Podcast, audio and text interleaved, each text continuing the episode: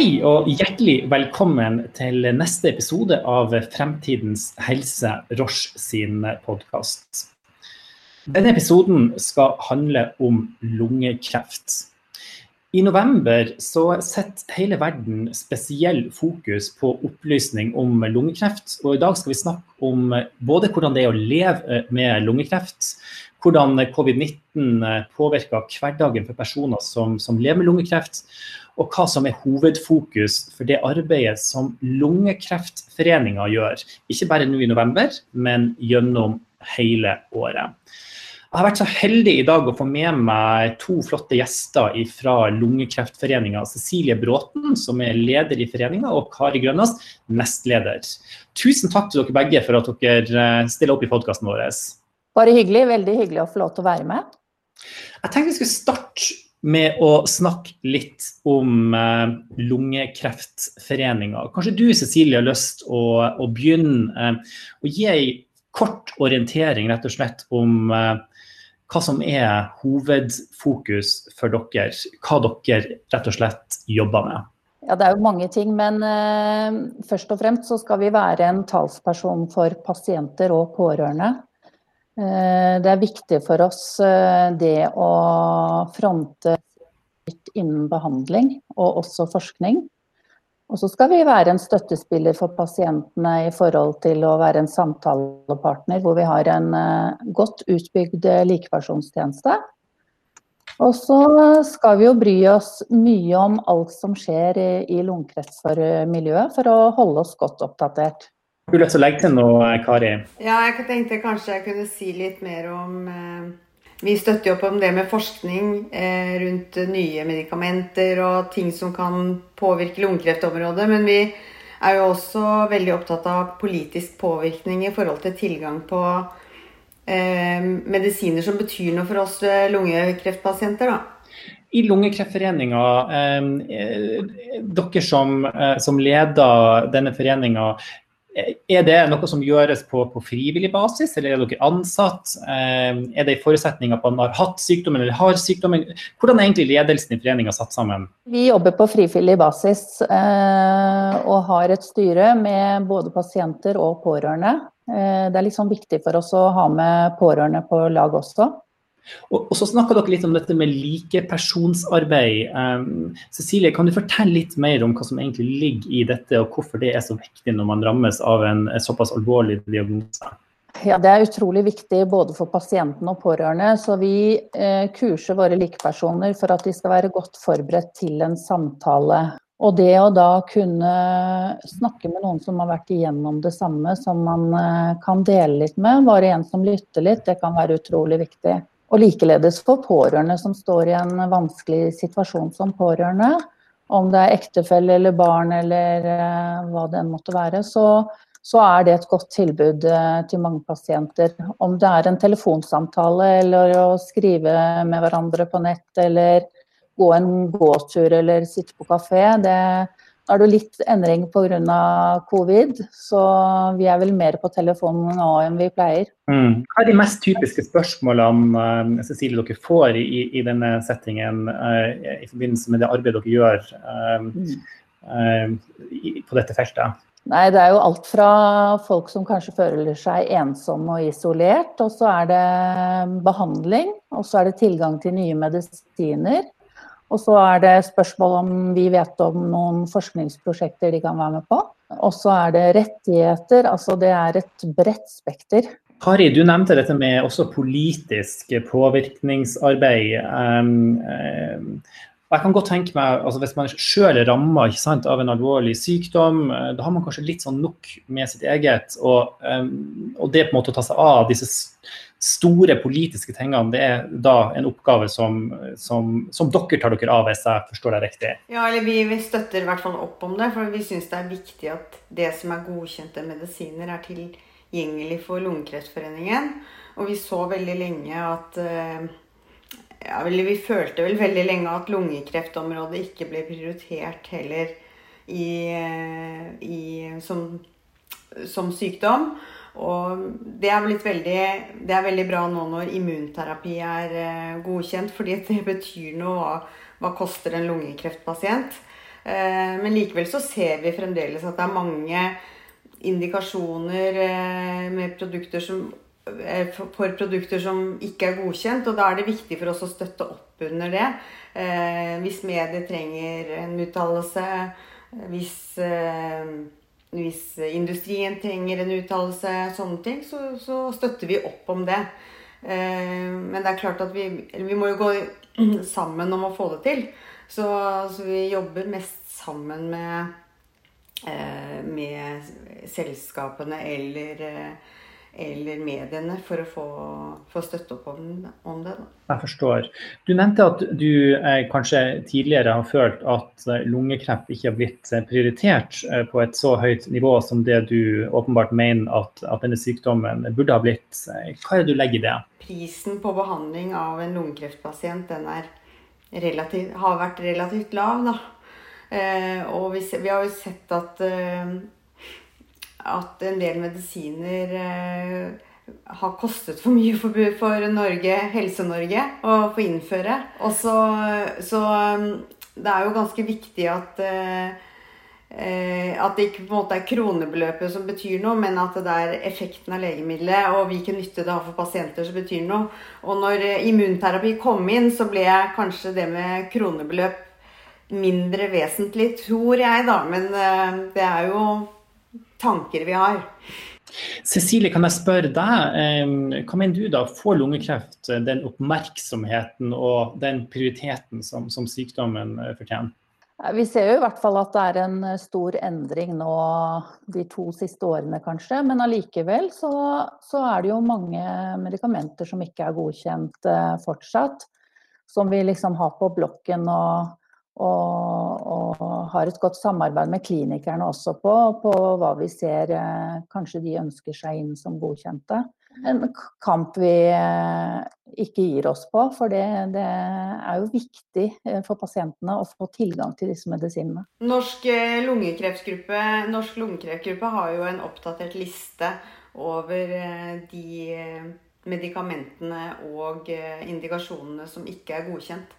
Så det ligger til enhver tid en oppdatert liste der. Jeg, jeg, har et spørsmål til, til, deg, Cecilie. Føler du eh, som leder i Lungekreftforeningen at det fortsatt til en viss grad kan være en form for stigma rundt denne sykdommen? Eh, eh, og, og, og, har det potensielt også en, en, en effekt når det gjelder hva slags prioritet lungekreft får? Ja, Det syns jeg eh, er eh, litt sånn vanskelig å svare på. For det er klart at eh, det er kanskje et litt sånn ømfintlig tema. Vi ser jo i hvert fall nå at det er en endring rundt det med stigma. Og det tror jeg handler mye om at det skjer mye faglig. Og så tror jeg det også handler om at det er flere som står frem med sykdommen.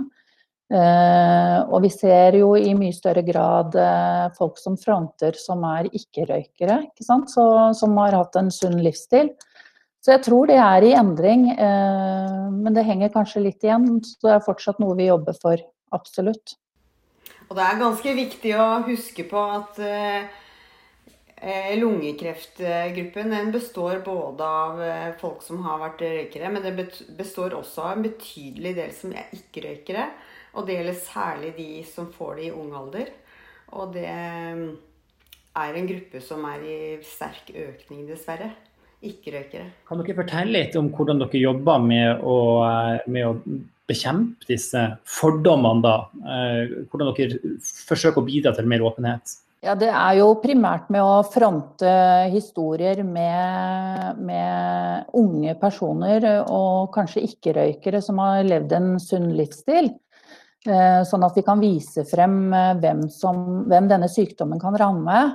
Eh, det tror jeg er eh, det, det, vi når ut best på, på alle måter. Så tror jeg det er viktig å huske på at eh, når det gjelder stigma, at det er, det er mange livsstilssykdommer som fører til som har en overhyppighet av kreft. og ble du en røyker, eller ble du overvektig, eller spiste kanskje ikke så sunt, så, så har du et menneskeverd likevel. Eh, selv om, selv om eh, på en måte det er, kan være Du har en viss, eh, viss ansvar for sykdommen din. Men det betyr jo ikke at du ikke hadde fått det hvis du Så vi er jo mange som ikke har røykt, og, og som trekker det dårlige loddet der. Absolutt. Veldig viktige betraktninger. Hvordan eh, Kan dere fortelle litt om, eh, fra det arbeidet dere gjør blant pasientene, eh, hvordan det oppleves å, å, få den tunge beskjeden om at man er ramma av lungekreft? Og også hvordan dere i foreninga kan, kan, bidra da, inn mot både pasienter og pårørende for å komme seg gjennom denne svært krevende fasen? Ja, Det er jo et utrolig vanskelig arbeid, og vi, vi er ikke psykologer. Men, eh, men, det er klart at eh, disse pasientene møter en dødsangst og en, eh, en utrolig vanskelig situasjon å stå i. Så det å kunne formidle hva som finnes av tilbud der pasienten bor, i forhold til kreftkoordinator, hva som finnes av tilbud hos oss med likepersonstjenesten, hvor man kan søke seg rehabilitering, og kanskje hvor man kan få, få profesjonell eh, psykologisk hjelp, det er utrolig viktig. For dette er jo en eh, gruppe pasienter som, eh, som opplever et stort traume fordi at sykdommen er såpass alvorlig. Og det, Når du får den sykdommen, så er det for det første er det sjokk. Eh, og så er det veldig mange av lungekreftpasientene som, som får det på et stadium hvor de har spredning. Og, og det er mange da, som føler at de har fått dødsdommen. Eh, så, så, det er ganske viktig for oss at vi vis, viser at det har skjedd mye, at det er mulig, at det er eh, mange eh, som, har, som, har, fått eh, alvorlig kreftsykdom, som lever mange år etterpå fordi det nettopp er gode medikamenter. Så det å gi de eksemplene for å gi det håpet, det tror jeg er enormt viktig for Eh, når man har fått diagnosen. Du nevner Kari, at, at uh, mange pasienter gjerne får diagnosen når sykdomsforløpet har kommet ganske langt. Uh, det har jo vært en diskusjon om, om, dette med screening også i Norge. Hvordan stiller dere i foreninga dere til det? Jeg, eller vi er veldig positive til det, støtter det. Og det har jo vært en, en faglig artikkel som Jeg husker ikke hva den heter nå men eh, som viser at, eh, at ved å skrine risikopasienter, så kan man eh, redusere dødeligheten på lungekreft betydelig. Og, og, så det er, det er noe som vi bør gjøre. Men, nå, nå, tror jeg det på Ahus skal starte et, starte et prosjekt der for å på en måte gjøre våre studier for å vise om dette her er av verdi eller ikke.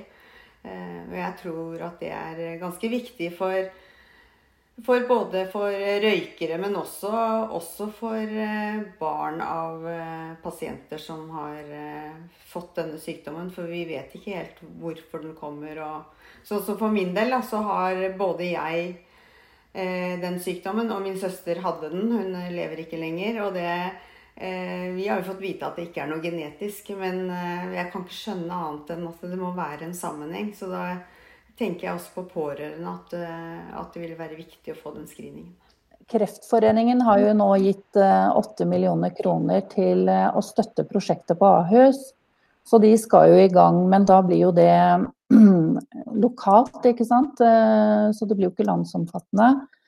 Eh, og der eh, blir det jo noen som får være med. Så jeg kjenner jo på det også at det er viktig at vi får jobbet videre med screeningprosjektet, sånn at det utvides til hele landet, og at eh, det er flere som får tilgang.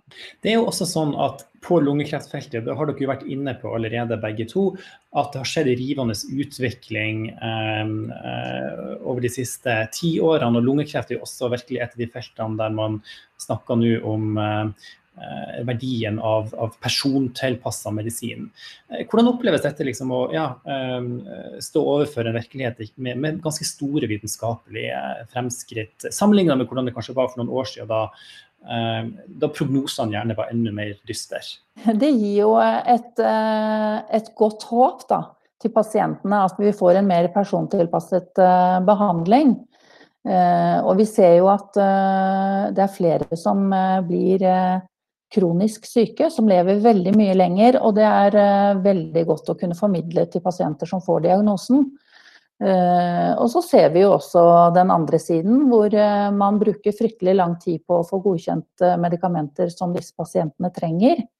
Og da kan man jo våge å stille spørsmålstegn ved den persontilpassede behandlingen i forhold til at folk må vente fryktelig lenge, og noen får ikke dette raskt nok. Så, så det er jo et vanskelig tema, kanskje spesielt for lunge fordi at det har skjedd så ekstremt mye de siste to årene på behandling. Men du føler at i Norge er ventetida for lang? Ja, så absolutt.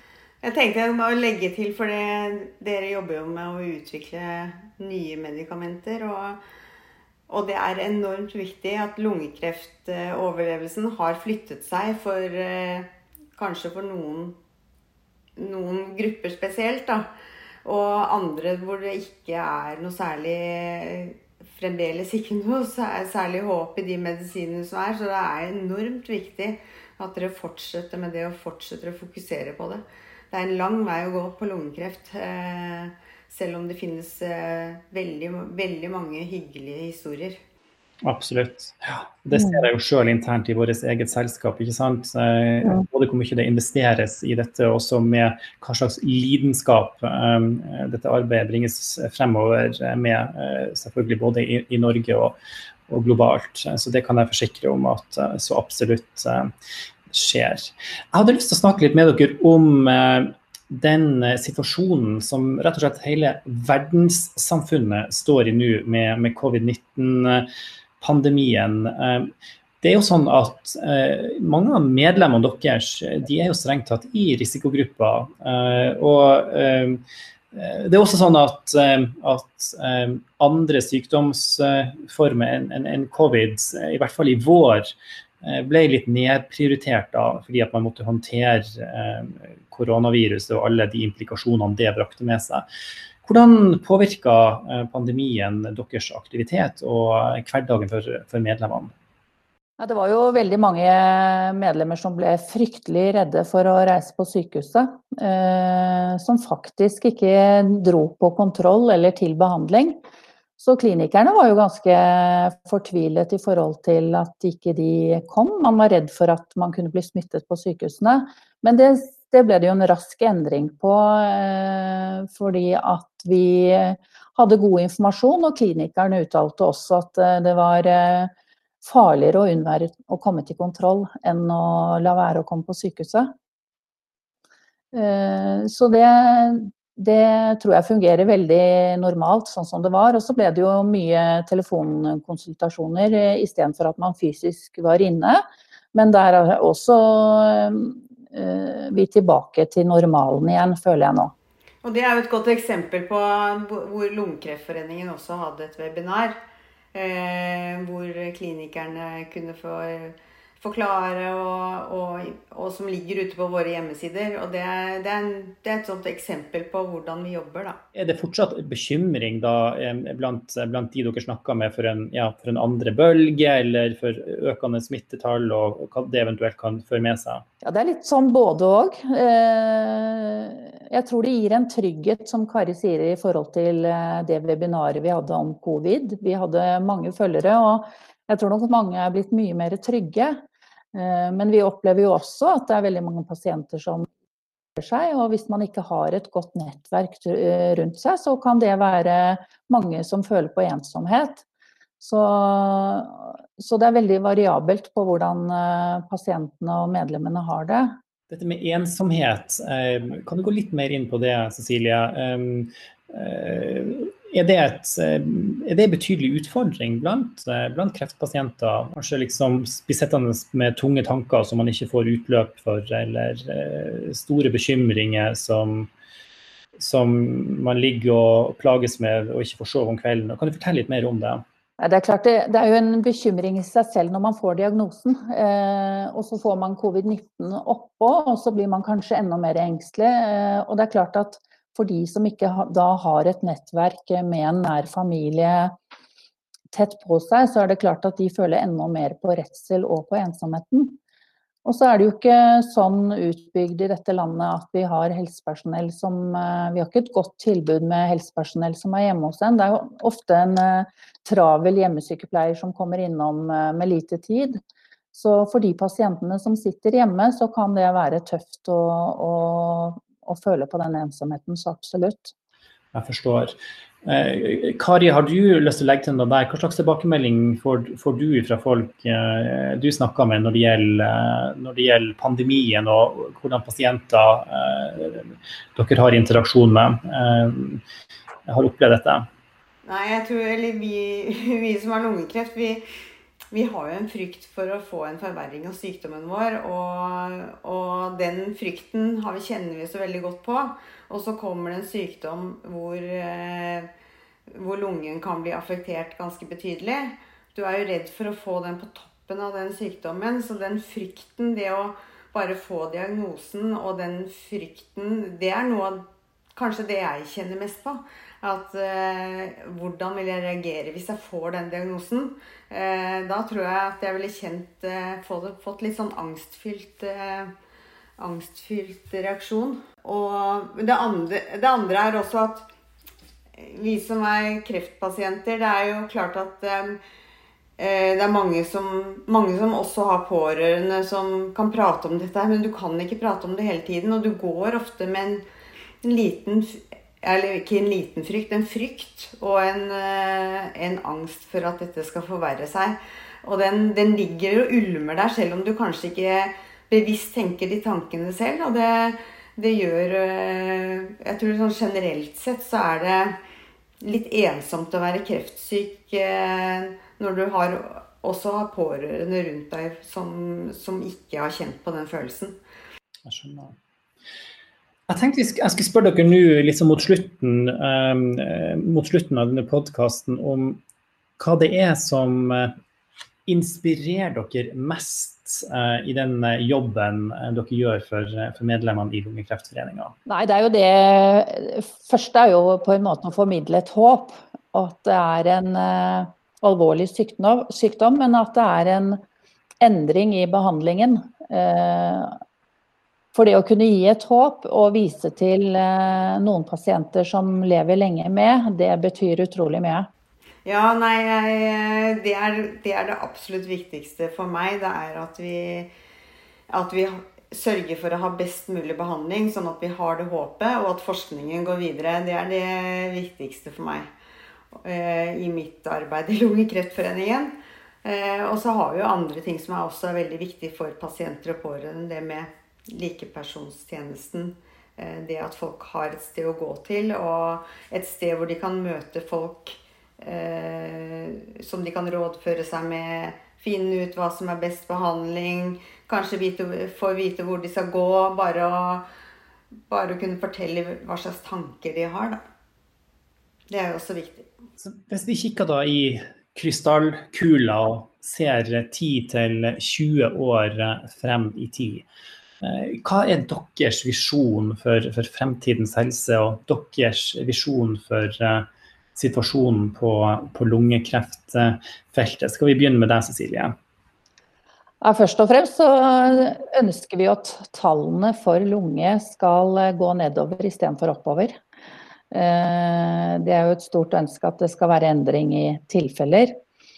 Og så tenker jeg, har jeg en ønsketenkning om at vi skal få mer spesialsykehus. Eh, at vi får færre som behandler lungekreftpasienter. Og sentralisere det mer på å få den beste kunnskap og behandlingen. Om eh, du ikke behandles eh, på det sykehuset, at du i hvert fall får en faggruppe og avgjør hvordan du skal behandles og hva som skal skje med deg.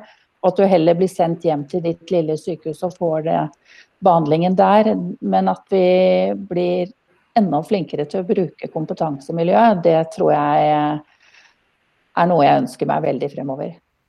Og kanskje bare legge til til Cecilie der at det er så viktig fordi at alt, eller medikamentene har blitt så komplekse, og, og det med persontilpasset medisinering har blitt så komplekst. Og det å, det å på en måte angripe hver og en pasient Og at hver og en pasient er unik, på en måte, hvordan nedslagsfeltet til kreften er i kroppen, så, så, så, så er det bedre, tror vi, at det, er, eh, at det er noen få gode sykehus som da er støtte for pasienter, men også støtte for sykehus, eh, sy, legene på de små sykehusene. Kari, har du lyst til å dele enda litt mer om hva, du, eh, hva som er din visjon måte for la oss si, lungekreftfeltet om 10-20 år? Min visjon er jo helt klart at lungekreft går over til å bli en kronisk sykdom. Vi, eh, at eh, prognosene for lungekreft er eh, betydelig Litt sånn som på brystkreft, hvor ca. 90% av pasientene lever. Det hadde vært helt fantastisk. Cecilie Bråten, leder i Lungekreftforeninga, og Kari Grønås, nestleder i Lungekreftforeninga. En stor takk til uh, dere begge for at dere tok dere tid til uh, denne praten. Jeg syns det var en god samtale, og jeg har satt stor pris på å ha dere som gjester her i eh, podkasten vår. Også en stor takk til alle dere som lytter på. Lik gjerne Roche i Norge på Facebook og på LinkedIn for enda mer innhold fra oss i Roche. Her må dere også veldig gjerne sende inn deres tips til potensielle tema eller gjester. Tusen takk for denne gang. Vi høres.